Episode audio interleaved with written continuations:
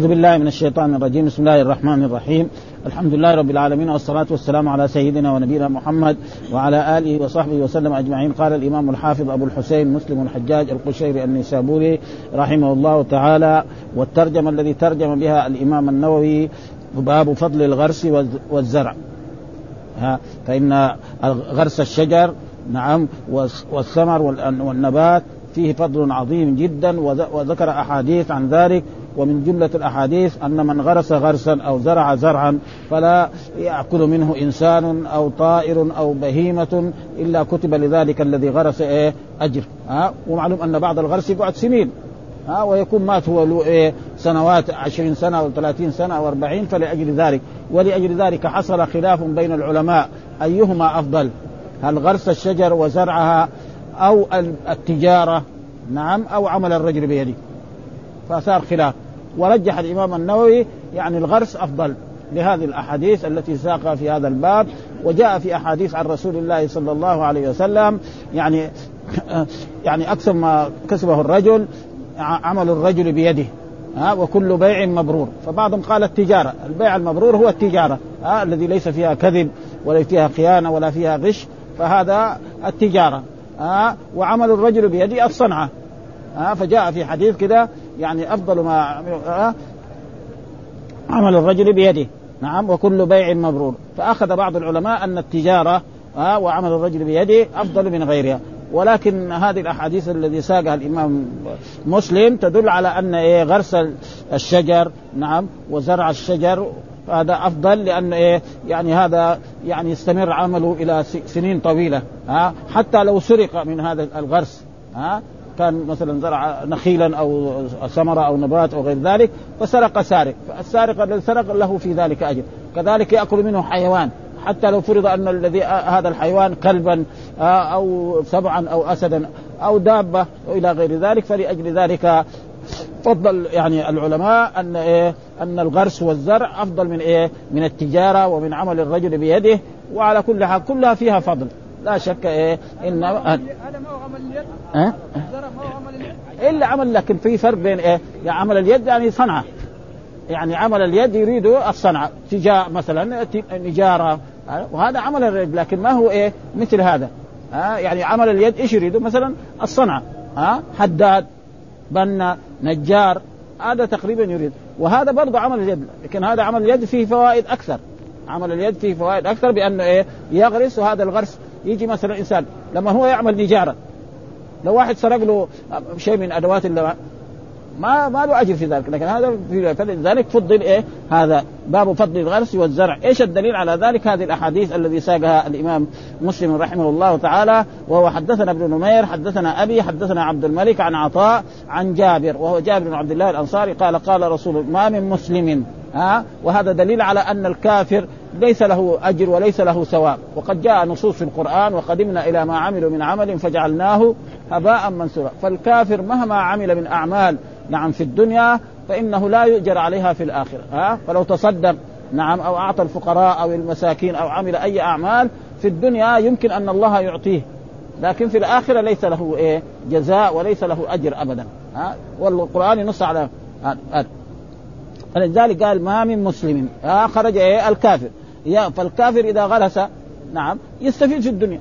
ها يمكن ربنا يعطيه في الدنيا. فكان غرسه مثلا عشرة يصير بعدين غرسه عشرين ويكون له في الدنيا لكن في يوم القيامة ليس. ها إلا إلا كان ما أكل منه له ما أكل منه نفسه ما أكل منه. يعني أكل غيره أو, أو أخذه بغير طريق صدقة. وما سرق منه كذلك ها صدقة إذا سرق إنسان من هذا الزرع وهذا الثمرة كذلك الصدقة. وما أكل السمع بأن كان إيه؟ هناك سبع أكل إيه؟ بعض حيواناته التي رباها أو أو نفس الثمر. نحن رأينا هنا في المدينة يعني لما في النخيل تجد الكلاب ها يدخلوا في إيه؟ تحت الشجر ويأكل الرطب ويأكل أشياء ويأكل ف إيه وكذلك ما أكلت الطير يعني جنس الطير ها فهو له صدقة. ولا يرزقه ها أحد إلا كان ومعنى يرزقه يعني يأخذه بإيه؟ بطريق بطريق ينقصه ها يأخذ منه شيء من البستان بالسرقة أو بالاختلاس أو بغير ذلك أو بالخيانة. هذا معناه يعني يزرعه معناه ينقصه ويأخذه منه ها. فيجي بالخفية يأخذ إيه من نفس إيه الثمرة التي زرعها أو الشجر الذي زرعها فهذا فلذلك كان هذا فيه أجر أكثر من إيه من إيه من التجارة. وأكثر من عمل اليد بيده. وهذا هو الذي إيه فصله هذا. ونحن نقرأ ما قاله الإمام باب فضل الغرس والزرع. قوله صلى الله عليه وسلم ما من مسلم يغرس غرسا إلا كان ما ما أكل منه. له صدقة وما سرق منه له صدقة وما أكل السبع فهو له صدقة وما أكلت الطير فهو له صدقة ولا يرزقه أحد إلا كان له صدقة. وفي رواية لا يغرس مسلم غرسا ولا يزرع زرعا فيأكل منه إنسان ولا دابة ولا شيء إلا كانت له صدقة. وفي رواية إلا كان له صدقة إلى يوم القيامة. وفي هذه الأحاديث فضيلة الغرس وفضيلة الزرع وأن أجر فاعل ذلك مستمر ما دام الغرس والزرع وما تولد منه. لأنه بعض النخل يعني يمكن يقعد مدة سنين. أما الأشياء الثانية فإذا مات ابن آدم انقطع عمله إلا من ثلاث صدقة جاريه فلذلك كان هذا. وقد اختلف العلماء في اطيب المكاسب وأفضلها فقيل التجارة وقيل صنعة اليد وقيل الزراعة وهو الصحيح. يقول وقا ويقول الإمام النووي وقد بسطت يعني آه إيضاحه في آخر باب الأطعمة من شرح آه من شرح المهذب لأنه له كتاب يعني شرح المهذب وهو يسمى المجموع آه المهذب متن وشرح وهو ما غلق يعني كتاب ثم جاء بعد ذلك يسمى المجموع الآن وهو تقريبا زي المغني. ها؟ زي المغني لابن قدامة في يعني تقريبا يتكلم عن المذاهب كلها تقريبا ها؟ المذاهب الأربعة وهو شرح جزءا منه والجزء توفي لأن النووي ما عاش يعني حول الأربعين توفي. هذا لو عاش كثيرا إلى السبعين إلى الثمانين كان يكون تركته تكون إيه؟ أقوى من ذلك وأكثر من ذلك جدا. ها؟ فهو يعني تقريبا يعني زي ما يقول الفقه المقارن دحين. يسموا الحين الآن الاصطلاح الجديد الفقه المقارن، الفقه المقارن مثلا كل مسألة مسألة علمية آه يقول مثلا قال أحمد كذا وقال الشافعي كذا وقال كذا ثم بعد ذلك يجب على مثلا طلبة العلم أن يبينوا آه أيهما أرجح وأيهما أوفق للدليل آه وأما مثلا كذلك بعض بعض طلبة العلم رأيناهم مثلا يقول قال الشافعي وقال أحمد وقال كذا ويتركها كذا. هذا كمان ما هو صواب. ها؟ لازم يبين إيه؟ الصحيح والذي يدل عليه الدليل من كتاب أو سنة. هذا الواجب. وهذه يعني الكتب هذا زي دحين آه المجموع. وكذلك المغني. وكذلك مثلا الكتب الثانية آه الذي تبحث هذه الأبحاث كذلك. ويسموه الآن في, في, في عصرنا هذا الفقه المقارن. آه آه فلذلك في شرح المهذب وهو في هذه الأحاديث أيضا أن الثواب والأجر في الآخرة مختص بالمسلمين وأن الإنسان يثوب على ما سرق من ماله أو أتلفته دابة أو طائر ونحوهما. هذا معناه ولا يزرعه قال يعني إيش معناه؟ فسره أن ينقصه ويأخذ منه. ها إما بطريق الاختلاس أو بطريق الخيانة أو بطريق أي شيء فهو له أجر. ولأجل ذلك فضل إيه؟ الغرس والزرع أفضل من إيه؟ من البيع ومن الشراء ومن التجارة ومن عمل الرجل بيده. والحديث الثاني برضه حدثنا قتيبة بن سعيد حدثنا ليس حول الإسناد وقال حدثنا محمد بن رمح أخبرنا الليث عن أبي الزبير عن جابر أن النبي صلى الله عليه وسلم دخل على أم مبشر. ها جاء أم مبشر وأم معبد. ها وامرأة من الأنصار وهي واحدة. ها, ها وكل الأحاديث عليه وهذا من إيه؟ من طريقة الإمام مسلم رحمه الله تعالى. إذا جاءت مسألة علمية يأتي بجميع الأحاديث الواردة في ذلك في باب واحد ويسردها سردا. وإلا لو كان واحد يبغى يختصر كان حديث واحد يكفي لأنها كلها صحيحة فلأجل ذلك هنا ذكر دخل على أم مبشر. ها يعني امرأة من الأنصار وفي رواية أم معبد وفي رواية كذلك زوج من الأنصار في نخل. والنخل معنى البستان قال فقال لها النبي صلى الله عليه وسلم من غرس هذا النخل؟ من الذي غرس هذا النخل؟ مسلم أم كافر؟ سأل الرسول صلى الله عليه وسلم الذي غرس هذا النخل الذي أنت فيه ها هو مسلم أو كافر؟ فقالت بل مسلم. فقال لا يغرس. ففهم من ذلك أن الكافر لا أجر له ولا ثواب. خصوصا إذا مات. أما في الدنيا فيمكن ربنا يعطيه شيء من الدنيا أكثر مما بذل. وهذا نحن نرى الآن الكفار في عصرنا هذا. بعضهم يبني مستشفى. ها بعضهم يبني مستشفى يعني يداوي فيه المرضى. ها يكون نصراني أو يهودي أو مجوسي أو غير ذلك. ها فهذا في الدنيا يمكن ربنا أما في الآخرة لا أجر له ولا ثواب لقول الله تعالى وقدمنا إلى ما عملوا من عمل فجعلناه. حتى بعضهم يوقف على الكلاب. ها؟ هم يعني الأوروبيين والغربيين يعني أبدا. الكلاب عندهم أعظم يعني حتى الرجل لو أراد يسافر وقالوا له الكلب حقك ما يسافر يبطل من السفر. أبدا. يا لابد إيه أن الكلب هذا ويكرمه ويحسنه و... و... مع أن الإسلام نهى عن تربية الكلاب. لكن الكافر يربي كلب نحن ما لنا شغل فيه. نحن أول نقول تعال قل لا إله إلا الله محمد وبعدين نتفاهم معاه في هذا الموضوع. لكن الآن للاسف إن المسلمين يربون الكلاب في بيوتهم كمان مو للزراعة آه يعني ما هو في الحيوانات فهذا المشكل يعني. يعني بعض المسلمين كذا يربوا في في في المملكة العربية السعودية موجود. فيأكل منه إنسان ولا دابة ولا شيء إلا كانت له صدقة. وهذا كل الأحاديث تدل على أن فضل الزرع نعم الزراعة والغرس أفضل من إيه؟ من غيره من الأعمال. وكل شيء فيه أعمال. ها؟ فيه أجر وفيه ثواب. يكفي ذلك يعني صلاة الجنازة. ها؟ الرسول صلى الله عليه وسلم يقول من تبع الجنازة حتى يأتي بها إلى المسجد من بيتها إلى المسجد له قيراط. وإذا صلى عليها كذلك له قيراط. وإذا ما حتى تدفن له قيراطان. قيراطان مثل إيه؟ قال مثل جبل أحد. ها؟ والناس يفرطوا في هذا. ها؟ لو واحد قالوا له خمسة ريال يقول مرحبا تفضل صلي خمسة ريال. ها؟ يعني فيجب على المسلمين يعني في هذا يعني ينتبهوا لهذا. ابدا ها؟ يعني قيراط مثل جبل أحد يفرط في الإنسان. ابدا. وكثير أشياء يعني كثير أشياء يعني فيها أجر ثواب يعني بسيطة. يعني زي مثلا آه آه، قول الإنسان سبحان الله والحمد لله والله أكبر. إذا قال 33 و33 و33 و33 والآخر يعني إما الله أكبر أو لا إله إلا الله يعني قال غفرت ذنوبه ولو كانت مثل زبد البحر. شيء ابدا. ها؟ وسبحان الله إلى غير ذلك فهذا ها؟ فيأكل أو طائر أو شيء إلا كان له. قال ابن خلف طائر أي شيء. بدل طائر قال إيه؟ شيء يعني. ها؟ وشيء يشمل الطائر ويشمل غير ذلك. ها؟ لفظ عام. وحدثنا أحمد بن سعيد ابن إبراهيم حدثنا روح بن عبادة حدثنا زكريا بن إسحاق أخبرني آه عمرو بن دينار أنه سمع جابر بن عبد الله يقول دخل النبي صلى الله عليه وسلم على أم معبد. وهي أم معبد أم بشر هي أهل حائطا والحائط معنى البستان المحاط البستان الذي فقال يا أم معبد من غرس هذا النخل؟ أمسلم أم كافر؟ فقالت بل مسلم. قالت فلا يغرس المسلم غرسا فيأكل منه إنسان ولا دابة ولا طائر إلا كان له صدقة إلى يوم القيامة. ها؟ وجاء في الأحاديث إذا مات ابن آدم انقطع عمله إلا من ثلاث صدقة جارية أو ولد صالح يدعو له أو علم ينتفع به. وهذا جاء لأنه مثلا غرس نخل. النخل يمكن يقعد خمسين سنة أو ستين سنة أو سبعين سنة.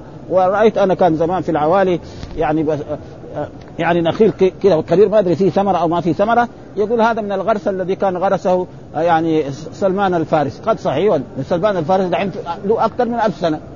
ها؟ ها موجود يعني. نخل كذا كبار طويل جدا في قبل لا يساوي الطرق الجديدة هذه يعني. دحين لما نساوي الطرق الجديدة إحنا ما نعرف والناس الأول يروحوا إلى إلى قبه والى هذا بالارجل على أرجلهم. الآن لما يروح سيارة ما حتى الطرق ما يعرفها الإنسان. ها لأن الطرق تغيرت. ها فيقول مثلا فمعناه إيه؟ مو نفس النخل قد يكون إيه؟ يعني فصيلتها. ها ها هذيك ماتت وأخذ منها فصيلة وزرعوها وصارت. هذا ممكن ابدا. ها لأنه كان له إيه؟ كان له نخيل في إيه؟ في قبى يعني سلمان الفارسي. وحدثنا أبو بكر بن أبي شيبة حدثنا حفص بن غياث حول الإسناد وقال حدثنا أبو كريب وإسحاق بن إبراهيم آه جميعا عن أبي معاوية حول الإسناد وقال حدثنا عمرو بن ناقد حدثنا عمار آه ابن محمد حول الإسناد وقال حدثنا أبو بكر بن أبي شيبة حدثنا ابن فضيل كل هؤلاء عن الأعمش عن أبي سفيان عن جابر. آه زاد عمرو في روايته عن عمار وأبو كريب وفي روايته عن أبي معاوية فقال عن أم مبشر. آه هي هي أم مبشر. وفي رواية آه ابن ابن فضل عن امرأة زيد بن حارثة. هناك قال زيد امرأة زيد بن حارث وهي يعني آه، هي أم مبشر وهي أم وعد. وفي رواية إسحاق عن أبي معاوية قال ربما قال عن أم مبشر عن النبي صلى الله عليه وسلم وربما لم يقل. وكلهم قالوا عن النبي صلى الله عليه وسلم بنحو حديث عطاء وأبي الزبير وعمرو بن دينار. أن الرسول دخل على هذه المرأة وقال هذا الغرس من غرسه هل مسلم أو كافر؟ فقالت مسلم فقال لا يغرس إنسان مسلم غرسا فيأكل منه إنسان نعم دابة أو طائر أو غير ذلك إلا كان له أجر وكان له صدقة وهذا يعني وهذا يعني يؤيد الحديث إذا مات ابن آدم انقطع عمله إلا من سنه فإن النخيل وبعض الزرع يعني يقعد سنين يمكن بعض الأشجار يقعد 100 سنة يعني موجود في بعض النباتات غير ذلك. وحدثنا كذلك يحيى بن يحيى وقتيبة بن سعيد ومحمد بن عبيد الغبري واللفظ ليحيى قال يحيى أخبرنا وقال الآخران حدثنا أبو عوانة عن قتادة عن أنس قال قال رسول الله صلى الله عليه وسلم ما من مسلمين. برضو الحديث هو ما من مسلمين يغرس يغرس غرسا أو يزرع زرعا فيأكل منه طير أو إنسان أو بهيمة إلا كان له صدقة. صدقة جارية تستمر إيه مدة طويلة. هذا. وحدثنا عبيد بن عبد بن حميد حدثنا مسلم بن إبراهيم حدثنا أبان بن يزيد حدثنا قتادة حدثنا أنس بن مالك أن نبي الله صلى الله عليه وسلم دخل نخلا لأم مبشر. ها معنى النخل بستان امرأة من الأنصار فقال رسول الله من غرس هذا النخل أمسلم أم كافر؟ فقالوا مسلم بنحو حديثهم. ها وقال لهم الرسول صلى الله عليه وسلم من يغرس غرسا نعم فلا يأكل منه إنسان أو دابة أو طائر إلا كان له صدقة.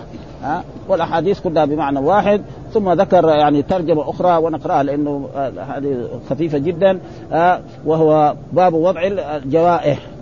ها باب وضع الجوائح، إيش معنى كيف الجوائح؟ معنى معنى أن إنسان يكون عنده بستان عنده زرع مثلا نخيل ها وعندما أثمرت الثمرة نعم باع الثمره على شخص ما مسلم. باع الثمره مثال ذلك زي ما يقولوا هنا في المدينة يقولوا السيف ها فلان اشترى سيف البستان الفلاني ها الثمرة. عندما يحصل البسر و...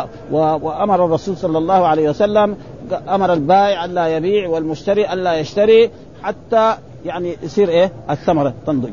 ها؟ فيكون مثلا إذا كان آه تم آه نخيل حتى يصفر أو يحمر. العنب حتى يباب فبعد ذلك باعوا.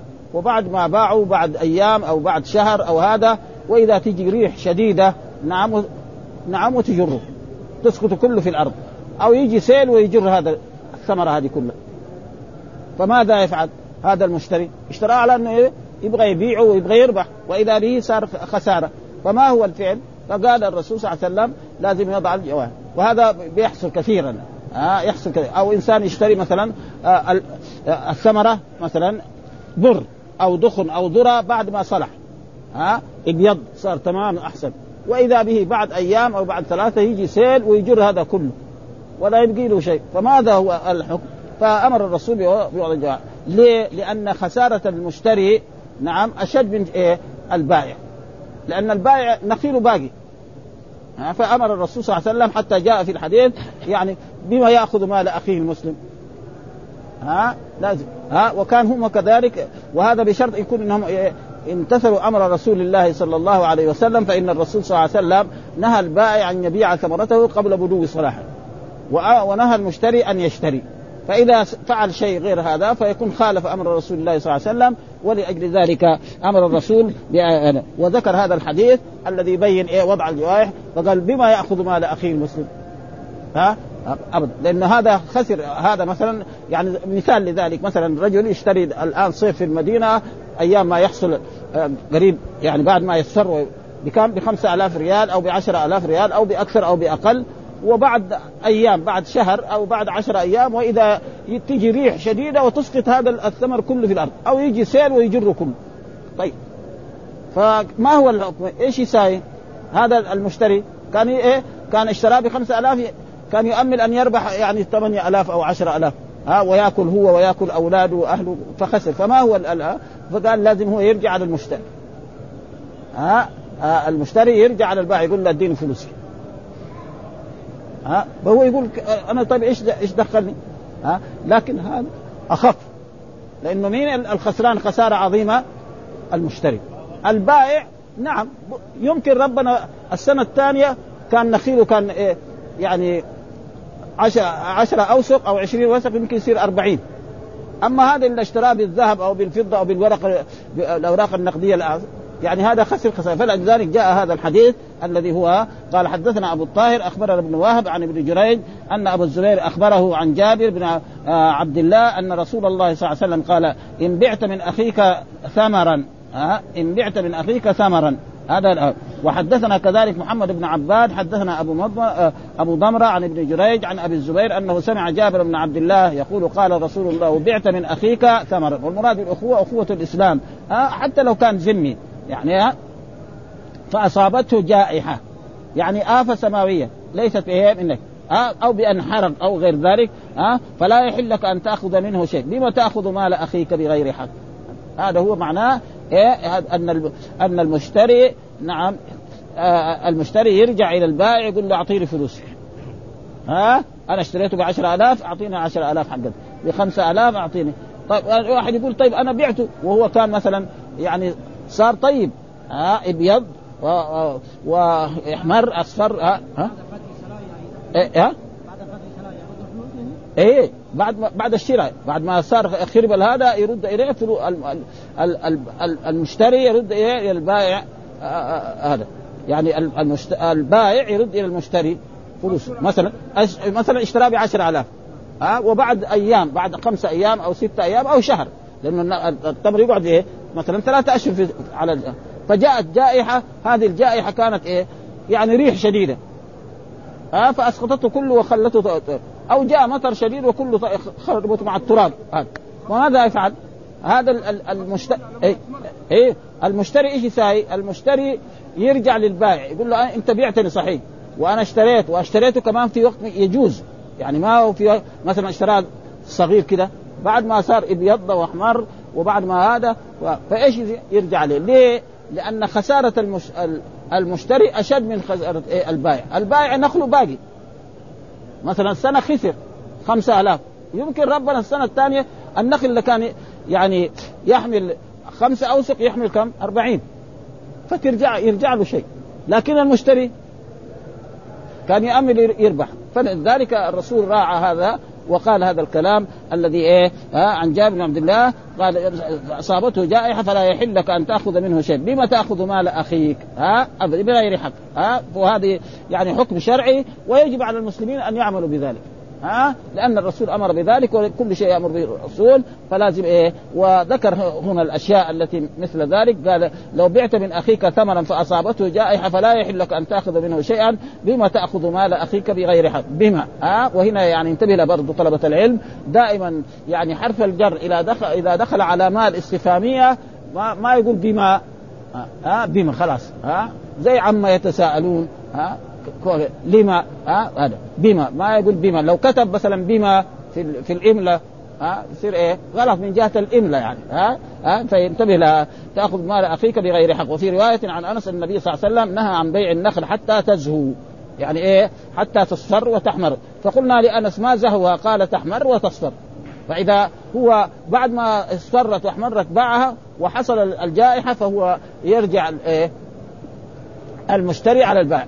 وإذا كان لا من أول اشتراها فهو خالف أمر رسول الله صلى الله عليه وسلم لأن البائع راح باعها وهي للساعة صغيره الثمرة. ها؟ أه؟ فهو خالف أمر الرسول. والمشتري الرسول نهاه. يعني نهى البائع أن يبيع ونهى المشتري أن يشتري. ها؟ أه؟ فإذا خالف أمر رسول الله صلى الله عليه وسلم كذلك يكون إيه؟ ومع ذلك المشتري يرجع إلى البائع حتى لو كان مثل ذلك. ها؟ أه؟ قال إن لم يثمرها إن لم يثمرها الله تعالى. فبما يستحل أحدكم مال أخيه وعن جابر أن النبي صلى الله عليه وسلم أمر بوضع الجوائح ها وهو إيه؟ الآفات الذي وعن أبي سعيد قال أصيب رجل في عهد رسول الله صلى الله عليه وسلم في ثمار ابتاعها. هذا إيه؟ ابتاعها فكثر دينه. فقال رسول الله صلى الله عليه وسلم تصدقوا عليه. فتصدق الناس عليه. فلم يبلغ ذلك وفاء دينه فقال رسول الله صلى الله عليه وسلم لغربائه خذوا ما وجدتم. يعني مثلا رجل اشترى ثمرة ثم بعد ذلك خسر فيها. بأن كان ذيك المرة السوق وكثرت ديونه فاشتكوه إلى إلى الحاكم الشرعي إلى رسول الله صلى الله عليه وسلم. فالرسول صلى الله عليه وسلم جمع شيء من ماله. نعم. ثم بعد ذلك أعطاهم. اعطاه ثم برضه ما عنده شيء. فقال ما ليس لكم الا وهذا يحصل يعني رجل مثل ما حصل لإيه؟ لمعاذ بن جبل، معاذ بن جبل رضي الله تعالى عنه رجل كان كريما جدا وكان يكرم الناس ويضيف الناس فكثر دينه فاشتكوا إلى رسول الله صلى الله عليه وسلم فأخذ رسول الله صلى الله عليه وسلم ماله وباع. ثم نادى الغرماء.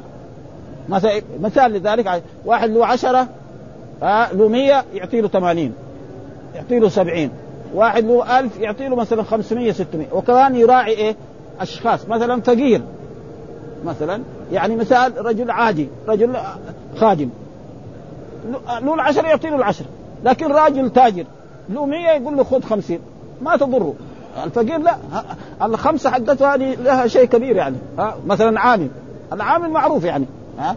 لكن موظف كبير ولا تاجر ولا صاحب عمارة ولا يعني لما ياخذ 50 بعد ال 100 تنفعه هو وما تضره. أما هذا الفقير لا ابدا فإذا إيه؟ الحاكم الشرعي يراعي هذا.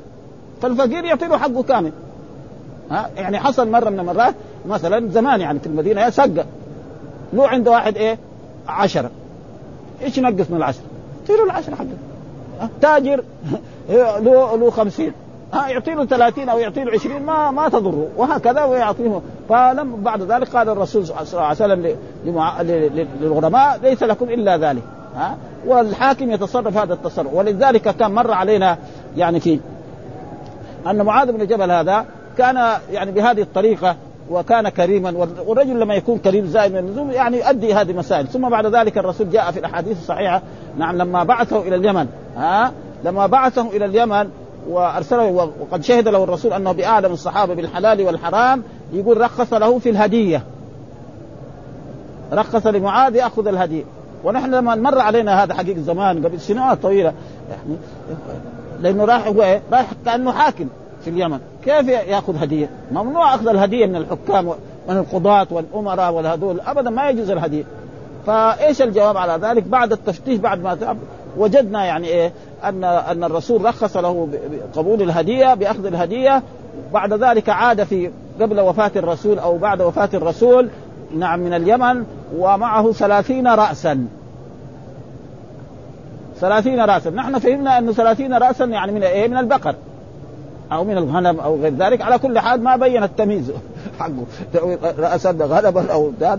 أه؟ وبعضهم يقول يعني بعد ذلك كذلك سألنا بعض إخواننا من طلبة العلم يقول لا ها عبيد يعني. إلى غير ذلك وعلى كل حال هذا إيه رخصة لإيه؟ لمعاذ بس. أما الحاكم القاضي والأمير والوزير والموظف الكبير ما يجوز هذه إلا شخص معه مثلا كان كان صهره ويتهادوا.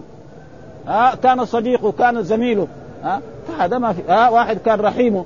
فهذا أما الناس العاديين ما يجوز الهدايا ها فهدايا ولذلك الرسول صلى الله عليه وسلم لما ذهب رجل نعم لجباية الزكاة ورجع. وقال يا رسول الله هذا لكم وهذا اهدي الي فقال الرسول صلى الله عليه وسلم لماذا لم يجلس في بيت أبيه وأمه حتى يهدى إليه؟ ها؟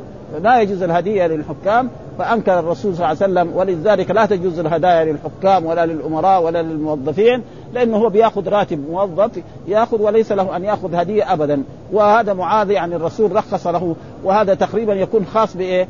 يعني بمثل معاذ معاذ لأنه كان كريم وهذا ثم أعطاهم قال فلا يحل لك تأخذ مال أخيك بغير حق قال و... و... واختلف في الثمرة إذا بيعت بعد بدو صلاحها. ها وسلمها البائع للمشتري بالتخلية. إيش معنى التخلية؟ معنى التخلية لما يجي يبيعوا البستان ها هذا الثمرة هذه بعتك هي ب 5000 إيش التخلية؟ هو يروح وهذاك يقعد في البستان. هذا لأن البيع مرات يكون إيه؟ بالقبض. ها؟ ها؟ بعد بدء إيه بعد بدء الصلاه ها؟ بعد إيه؟ بالتخلية إيش معناه؟ إنه يقول له بعتك هذه الثمرة و... لأن هذا ما يمكن ينقله إلى بيته ولا بستان ولا لا. هذا التخلية معناه إيه؟ يخليه في البستان. أو يروحوا دحين كلهم سوا مع بعض وهذاك بعد ذلك يرجع لإيه؟ للبستان حقه. ها؟ وكذلك البيت. ها؟ لما يبيع الإنسان بيت أو يبيع دكان أو يبيع هذا إيه يقول آه بالتخلية، إيش التخلية؟ معناه يخليه معه. ها؟ وفي بعض الأشياء لا يقبضها. البيعان بالخيار ما لم يتفرقا ها؟ لما يبيعوا مثلا كتاب ها؟ مثلا رجل يبيع سلعة طعام أو شيء مثلا رز أو سكر يقول له كم الكيس؟ يقول له مثلا ب 100 ريال. خلاص؟ بعد ما قال له 100 ريال قال له بطلت وواقف عنده في الدكان. ما في شيء. وأما إذا راح عن الدكان أو انتهى فتمت. وهذا معنى التخلية. معناه لأنه ممكن لأنه في بعض الأشياء تقبض وفي بعض الأشياء ما تقبض. ها؟ هي في اختلاف نبين هذا. ها؟ بالتخلية. ثم تلفت قبل قبل أواني الجزاز بآفة سماوية. هل تكون من ضمان البائع أو المشتري قال الشافعي في أصح قوليه وأبو حنيفة والليث بن سعد وآخرون هي من ضمان المشتري. هذا إيه؟ كلام إمام. ولا يجب وضع الجائحة لكن يستحب. يعني هذا. ها؟ يعني ما هو واجب إنما يستحب. ولكن بعض العلماء وقال الشافعي في القديم وطائفة هي في ضمان البائع ويجب وضع الجائحة لأن الحديث هذا. هذا هو إيه؟ آه. وقال مالك إن كانت دون الثلث لم يجب وضعها. هذا التفسير الآخر. إذا كانت دون الثلث مثلا كان الربع كان السدس العشر خلاص ما يجب لأنه وهذا البيع والشراء لابد مرات فيه ربح ومرات فيه إيه؟ خسارة. فاذا المذاهب هي هذا. ها قول المذاهب في القديم على أنه إيه؟ توضع الجائحة. قول هذا خلاص ما دام بعد بدو صلاحها آه اشتراها ما عليه شيء. آه القول الثالث أن إذا كانت من الثلث فأقل نعم يوضع. آه من الثلث فأكثر. وأما إذا كان من أقل فهذا وهذا هو الايه الكلام في هذا الموضوع.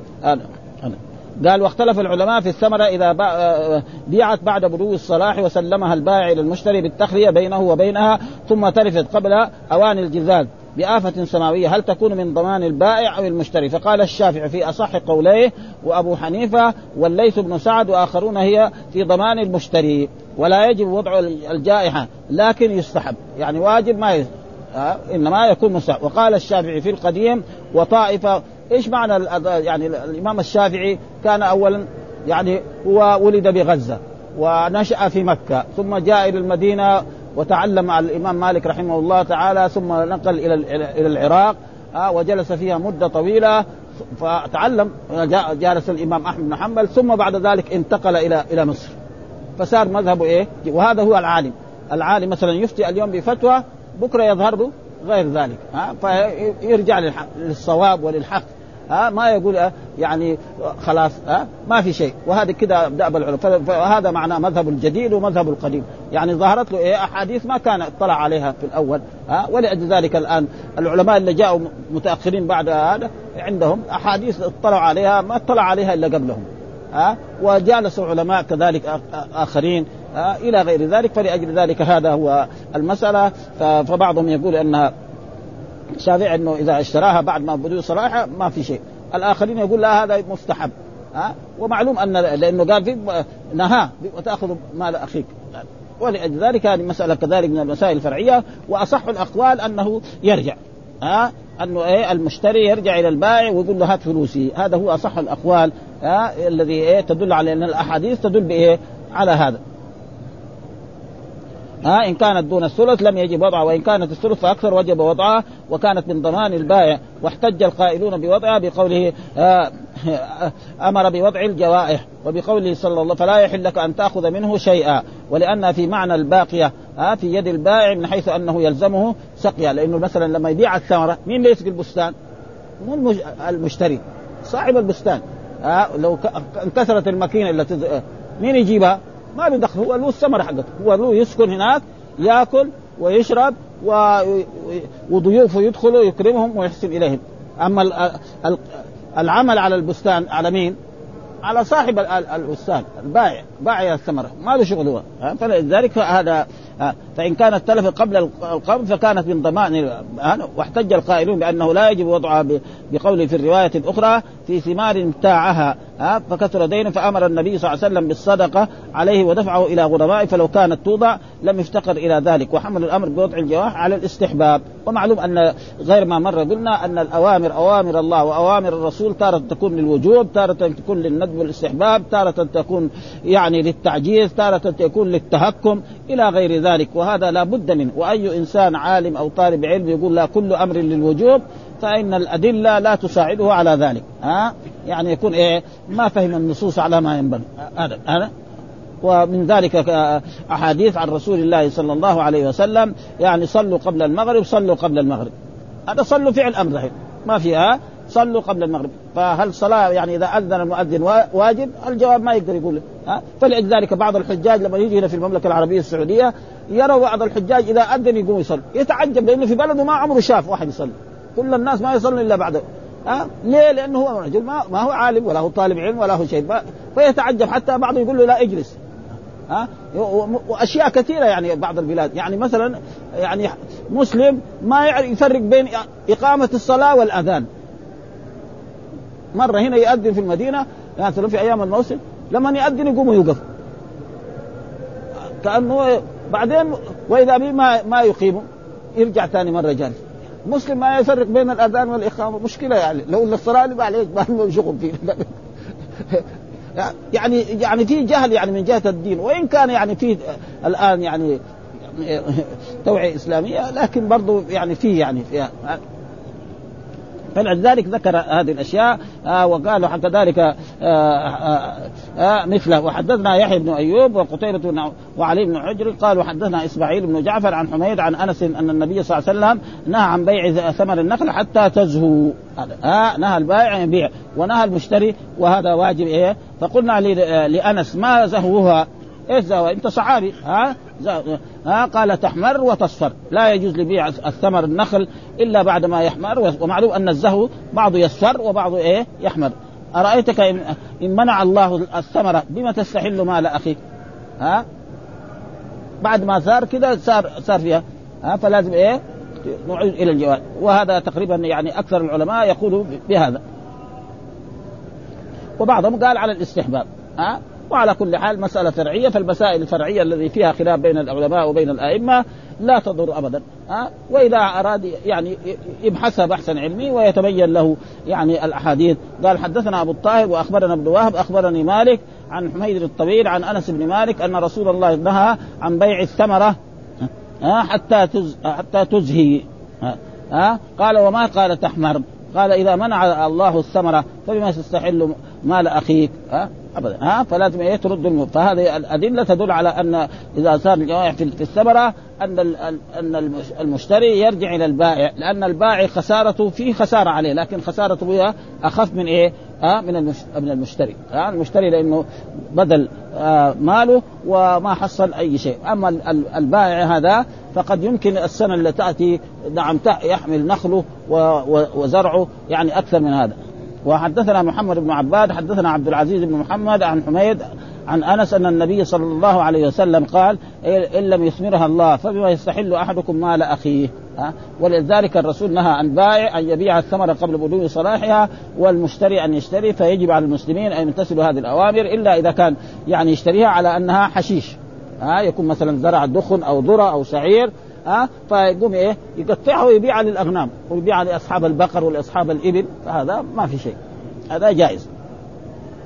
وحدثنا بشر بن الحكم وإبراهيم بن دينار وعبد وعبد وعبد الجبار وعبد الجبار بن بن العلاء واللفظ لبشر قالوا حدثنا سفيان بن عيينة عن حميد بن الأعرج عن سليمان بن عتيق عن جابر الصحابي هو جابر أن النبي صلى الله عليه وسلم أمر بوضع الجوائح قال أبو إسحاق وهو صاحب مسلم. وحدثنا عبد الرحمن بن بشر عن سفيان بهذا. الأحاديث كلها تقريبا بهذا المعنى. ها؟ ليس لكم إلا ذلك. ولو كانت الجوائع لا توضع لكان لهم طلب بقية الدين ها؟ الذي يكون. ومثل ما حصل لمعاذ بن جبل رضي الله تعالى عنه لما كثرت ديونه باع رسول الله صلى الله عليه وسلم ماله ثم وزعها على الغرماء وقال لكم ليس لكم إلا هذا وهذا هو الواجب أي إنسان يكون مثل ذلك. ف وإذا كان لا يعني هو يدعي يدعي الإعسار وما هو إعسار فالحكام يعني لهم طرق يعني لهم طرق يقدروا يهتدوا مثلا. رجل غني ويدعي إنه معسر. إيش الطريقة السليمة؟ يحبس. إذا حبس دغري يبين. ها؟ ابدا. ها؟ يحبس يعني ها؟ الدولة تحبسه الحاكم يأمر بحبسه. فإذا انحبس يوم واحد دغري يسلم. لأنه الحبس ما حد يبغاه ابدا. مهما كان لو كان حتى في قصر يحطوه. ما ما يرضى. ها؟ وهذه طريقة يعني يعني رأينا هنا الجماعة الحكام الشرطة يساووا هذا. يقول لك خليه في الدفا يعني الدفع معناه يقعد في السجن خلاص. الدفع دغري دغري يسلم الحقوق. ها؟ وكثير الآن في هذه الأزمان كلهم يدعوا الإعسار. قاعدين في السجن. يقعد له شهر شهرين ثلاثة أشهر وبعد ذلك يجمعوا له من هنا ويفكون ويعني يعني الطرق الناس الملتوية كثرت يعني. الآن كثير من الناس يعني يدخل في أشياء في بيوع وفي شراء وبعد ذلك يصير ملايين عليه مش يعني مئات. وبعد ذلك يدخل السجن يقعد شهرين ثلاثة أشهر كان شخص واحد وبعد ذلك. فالناس يعني يعني الخوف من الله ضعيف. يعني بس مقصوده يساوي إيه؟ مال فهذا هو الذي يؤدي إلى إلى, إلى أشياء ما هي طيب. وثم قال حدثنا قتيبة بن سعيد حدثنا ليس عن بكير عن ابن عباس ابن ابن عبد الله عن أبي سعيد الخدري قال أصيب رجل في عهد رسول الله صلى الله عليه وسلم. وهذا الرجل قد يكون معاذ وقد في ثمار بتاع لكن هذاك هذاك ديون كان إيه؟ من كرمه يزعمون بتاعه فكثر دينه فقال رسول الله صلى الله عليه وسلم تصدقوا عليه. فتصدق الناس عليه فلم يبلغ ذلك وفاء دينه فقال رسول لغرمائه خذوا ما وجدتم وليس لكم إلا ذلك. ونحن وجدنا هذه قصة مع يعني معاذ بن جبل في في الإصابة. يعني تفتشنا عليها كثير يعني في الإصابة. وبعضهم الإصابة بيتكلم عن الصحابة. كل رجل صحابي بيعطي ترجمة عنه. فكتب عن معاذ هذه الكتابة الطويلة أن معاذ كان رجل يعني كريم وكان يعني هذا وشهد له الرسول أنه باعلم الصحابة بالحلال والحرام وكان كذا. ثم بعد ذلك كسر الديون فرسول صلى الله عليه وسلم باع ماله ثم وزعه على الغرماء. ها ثم بعد ذلك رخص أرسله إلى اليمن ورخص له بقبول الهدية. هذا شوية أشكل عليه لأنه رايح إيه؟ هذا. ثم بعد ذلك في نص في نص الإصابة ذكر أنه عاد من اليمن ومعه ثلاثين. كده بس قد ثلاث. ثلاثين إيه؟ قد يكون راسا من ال من ال يعني من ال إحنا فسرناه من البقر لأنه البقر كان أكثر في اليمن ذاك الوقت. ها؟ بعضهم يقول فسره بالغنم وبعضهم فسره بالعبيد يعني. حتى في يقول فسره بالعبيد. ويمكن يعني في تراجم تالي أنا ما شفت إلا هذا. ها؟ وأي واحد مثلا يبغى هذا موجود في الإصابة. ومعلوم أن الإصابة جاي على طريق الصحابة. يعني الحرف الأول. يبغى إيه؟ أي صحابي يعرف حرفه الأول دغري يفتش عليه يجد إيه؟ ابدا. آه أبداً. حتى مرة من المرات زمان أول ما جاءت آه يعني الإذاعة آه الإذاعة وذكروا عن الصحابة. أي واحد يبغى شيء من هذا دغري يجد في الإصابة وفي غيره يعني عدة كتب يعني. عدة كتب. ها ها ها ها إيه إيه. مرة عظيم يعني. كتاب. أربع أجزاء. يعني كان هذا قبل لا يصير آه التصوير يعني ما يسوى ألف ريال. يمكن دحين يسوى الكمية ريال.